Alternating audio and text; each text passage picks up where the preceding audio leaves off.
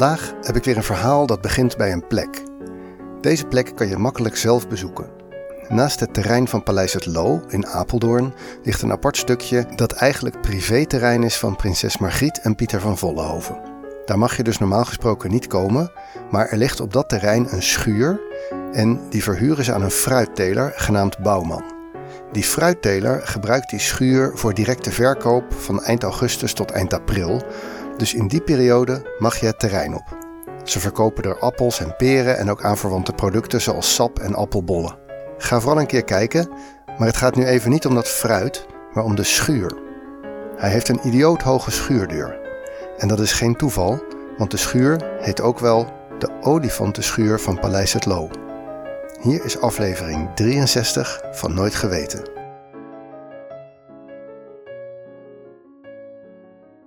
Die schuur heet de olifantenschuur omdat er, verrassing, vroeger olifanten in werden gehouden.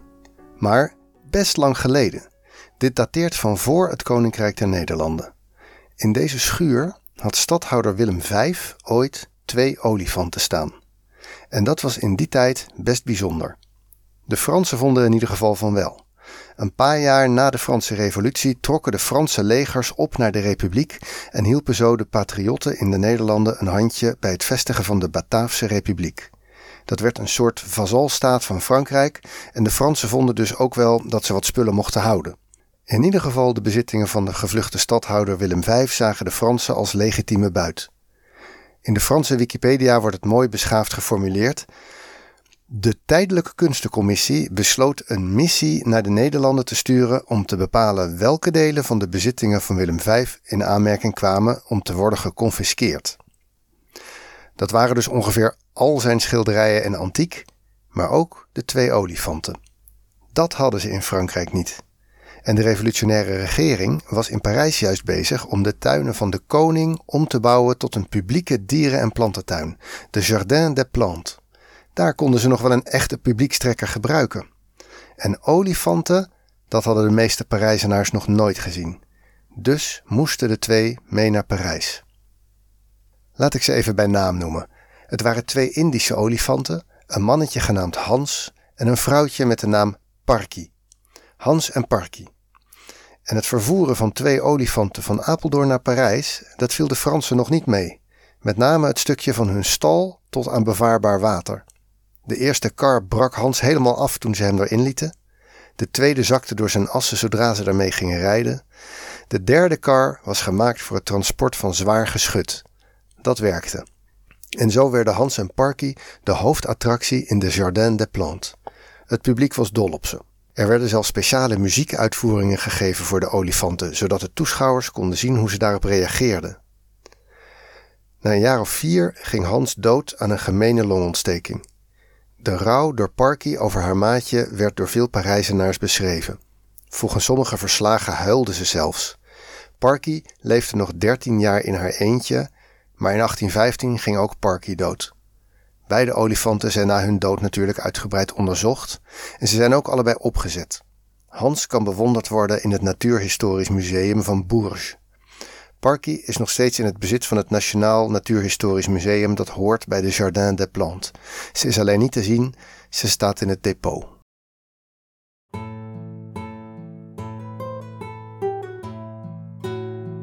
Dus kennelijk had Willem V toch wel iets bijzonders in zijn privé-menagerie. Als olifanten in die tijd nog heel Parijs op de been konden brengen en tegen behoorlijke kosten als oorlogsbuit werden meegenomen, dan was een olifant in je tuin in 1795 duidelijk extreem spectaculair. Toch? Ja, dat was best bijzonder, maar het waren bepaald niet de eerste olifanten die in West-Europa te zien waren. De Romeinen gebruikten natuurlijk al strijdolifanten en we weten dat ze die ook bij zich hadden bij de invasie van Britannia in 43 na Christus. Maar bijvoorbeeld Karel de Grote had er rond het jaar 800 ook een. Die kreeg hij namelijk als geschenk uit Bagdad van de kalif daar. Bagdad was op dat moment het middelpunt van de wereld en de Franken probeerden er een vriendschappelijke relatie mee te onderhouden. Ze hadden namelijk oorlog met het emiraat in Córdoba in Spanje.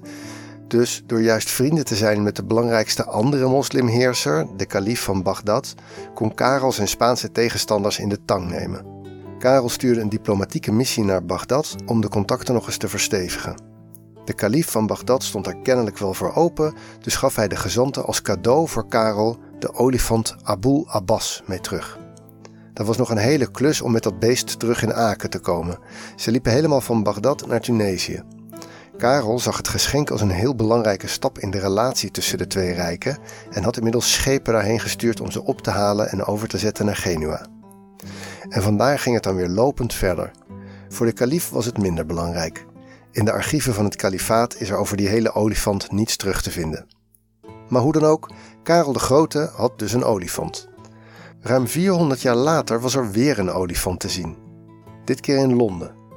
We weten dat in 1255 Lodewijk IX van Frankrijk een olifant cadeau deed aan Hendrik III van Engeland. Geen idee hoe die eraan was gekomen. Wat we wel weten is dat de Engelsen het arme dier voerden met voornamelijk biefstuk en rode wijn en dat hij al twee jaar later overleed, waarschijnlijk door dat dieet. Vanaf die tijd kwam er door de kruistochten en handel meer contact met het Midden-Oosten en zie je steeds vaker olifanten in Europa, vaak als cadeau van de ene vorst voor de andere. Het was dus wel een bekend verschijnsel, maar nog steeds wel zo bijzonder dat je er een koning mee kon verrassen. Dus hoe kwamen Hans en Parky in die olifantenstal in Apeldoorn terecht? Als cadeau dus, maar niet van een koning, sheik of kalif. Op een bepaalde manier waren ze een zakelijk relatiegeschenk. We moeten terug naar de jaren 1780. De republiek was verwikkeld in de Vierde Engelse Oorlog en dat ging niet geweldig. Het grotere plaatje was dat de Nederlanden een afkalvende voormalige wereldmacht waren en dat de Engelsen ze links en rechts inhaalden. De wereldhandel liep al lang niet meer via Amsterdam, maar via Londen. De eerste drie Nederlands-Engelse oorlogen waren nog echt een strijd om de heerschappij op zee geweest. Deze vierde deden de Engelsen er een beetje bij. Het was meer een soort strafexpeditie, omdat de Hollanders de opstandige Amerikaanse staten hadden gesteund. Engeland deed de Nederlanden overal pijn zonder er veel moeite voor te doen. En niet alleen in Europa, maar ook in de Oost. Verschillende handelsposten van de VOC, vooral in India, werden door Engelse eskaders veroverd. De VOC, die ook zijn beste tijden ruim achter zich had liggen, die had vroeger een serieuze eigen marine. Maar in deze periode waren ze geen partij voor de Engelsen en dus vroeg de VOC hulp aan de Republiek. En de stadhouder, de legerleider van de Republiek, gaf daar gehoor aan en dus ging er voor het eerst in de geschiedenis een stuk van de vloot van de Republiek naar de oost. Dat eskader kwam pas in Nederlands-Indië aan toen er al met de Engelsen onderhandeld werd over vrede, maar ze maakten zich nog wel nuttig door de VOC daar te helpen met vechten tegen een paar Aziatische machthebbers. Dus de VOC-bestuurders waren wel in hun nopjes met hoe de stadhouder zich om hun positie had bekommerd. Op de terugweg maakten de schepen een stop op Ceylon, het tegenwoordige Sri Lanka.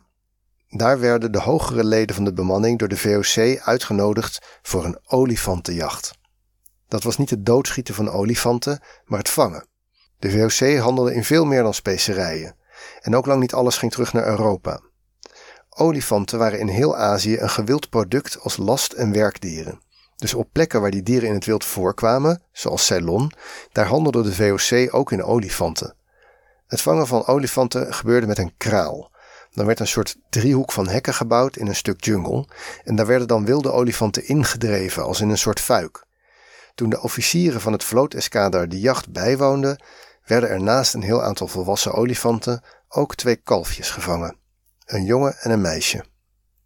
Die waren klein genoeg om aan boord van de marineschepen mee te kunnen. En zou dat nou geen leuk cadeau voor de stadhouder zijn, want die had toch zo'n aardige verzameling exotische dieren?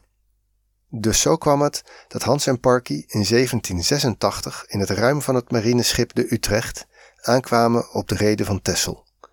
En inderdaad was de prins enorm in zijn nopjes met deze aanwinst voor zijn menagerie. Hij liet de dieren overbrengen naar zijn paleis Het Kleine Lo in Voorburg.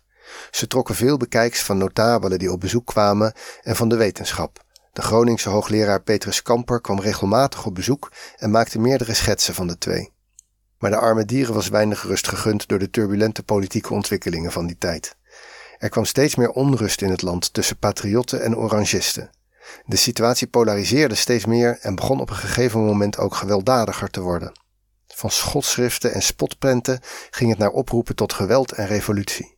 Vooral in de steden in het westen voelde de prins zich niet meer veilig en dus verkaste hij zijn hof van Den Haag naar Nijmegen en hij nam zelf zijn intrek in jachtslot Het Loo in Apeldoorn. En daar ging dus ook zijn hele menagerie heen. Al een paar maanden na hun aankomst in Nederland moesten Hans en Parky dus weer op reis. Maar daar, in Apeldoorn, hebben ze waarschijnlijk toch de beste tijd van hun leven gehad. Terwijl de prins in zijn laatste Nederlandse jaren zijn positie steeds verder zag afbrokkelen en de Oranjes uiteindelijk hun positie alleen wisten te herstellen door het Pruisische leger te hulp te roepen, terwijl na de Franse Revolutie uiteindelijk de Franse legers weer de patriotten te hulp schoten en vrij makkelijk over de staatslegers heen walsten, en terwijl de prins met zijn gezin op een vissersbootje vanuit Scheveningen het land verliet, al die tijd hadden Hans en Parky het waarschijnlijk best naar hun zin in die Apeldoornse stal. Voldoende eten, niet gek veel publiek. Dat hield wel op toen de missie van de tijdelijke kunstencommissie de arme dieren ontdekte. Denk daar maar even aan als je een keer in de gelegenheid bent om de stal te bezoeken in Apeldoorn. Je kan er gewoon langs gaan in het seizoen dat er appels en peren worden verkocht. Vanaf ongeveer september ben je welkom. Dit was aflevering 63 van Nooit Geweten. Ik hoorde over Hans en Parky van Saskia Wubbels, waarvoor dank. Het verhaal is uitgebreid onderzocht door Jeroen Bos voor zijn boek Het Grote VOC-boek. Hij vertelt er ook over in een aflevering van de His and Her Story podcast. Ik voeg linkjes toe. De oplossing van de fotopuzzel was de pagina over Willem V van Oranje Nassau, de enige Nederlandse Wikipedia-pagina waarop Hans en Parky worden genoemd. In de Franse versie hebben ze een uitgebreide eigen pagina. Trouwens, misschien vraag je je af wat er met de rest van de geconfiskeerde spullen van Willem V gebeurde. Het jaar waarin Parky haar laatste adem uitblies, 1815, was voor Frankrijk natuurlijk niet zo'n goed jaar. Napoleon verloor de slag bij Waterloo en de kerstverse koning Willem I was er als de kippen bij om de bezittingen van zijn vader terug te eisen. De Fransen zijn daar niet zomaar toe bereid. Met name op de stier van Potter zijn de Parijzenaars in de tussentijd erg gesteld geraakt. Dus moesten de soldaten van Pruisen, Engeland en het Nieuwe Nederland eerst nog het Louvre belegeren om de collectie in bezit te krijgen. Koning Willem I schonk een groot deel van de schilderijen aan de Nederlandse staat en tegenwoordig zit dat allemaal in de collectie van het Mauritshuis, inclusief de stier. Nooit geweten wordt gemaakt door mijzelf, Teun Duinstee en is een hommage aan Wikipedia. Ken je iemand die dit een leuk verhaal zou vinden? Stuur het dan door. Volgende week is er weer een aflevering en wie alvast wil weten waar die over gaat, kan proberen de Wikipedia fotopuzzel op te lossen. Die vind je in de show notes. Bedankt voor het luisteren en tot de volgende week.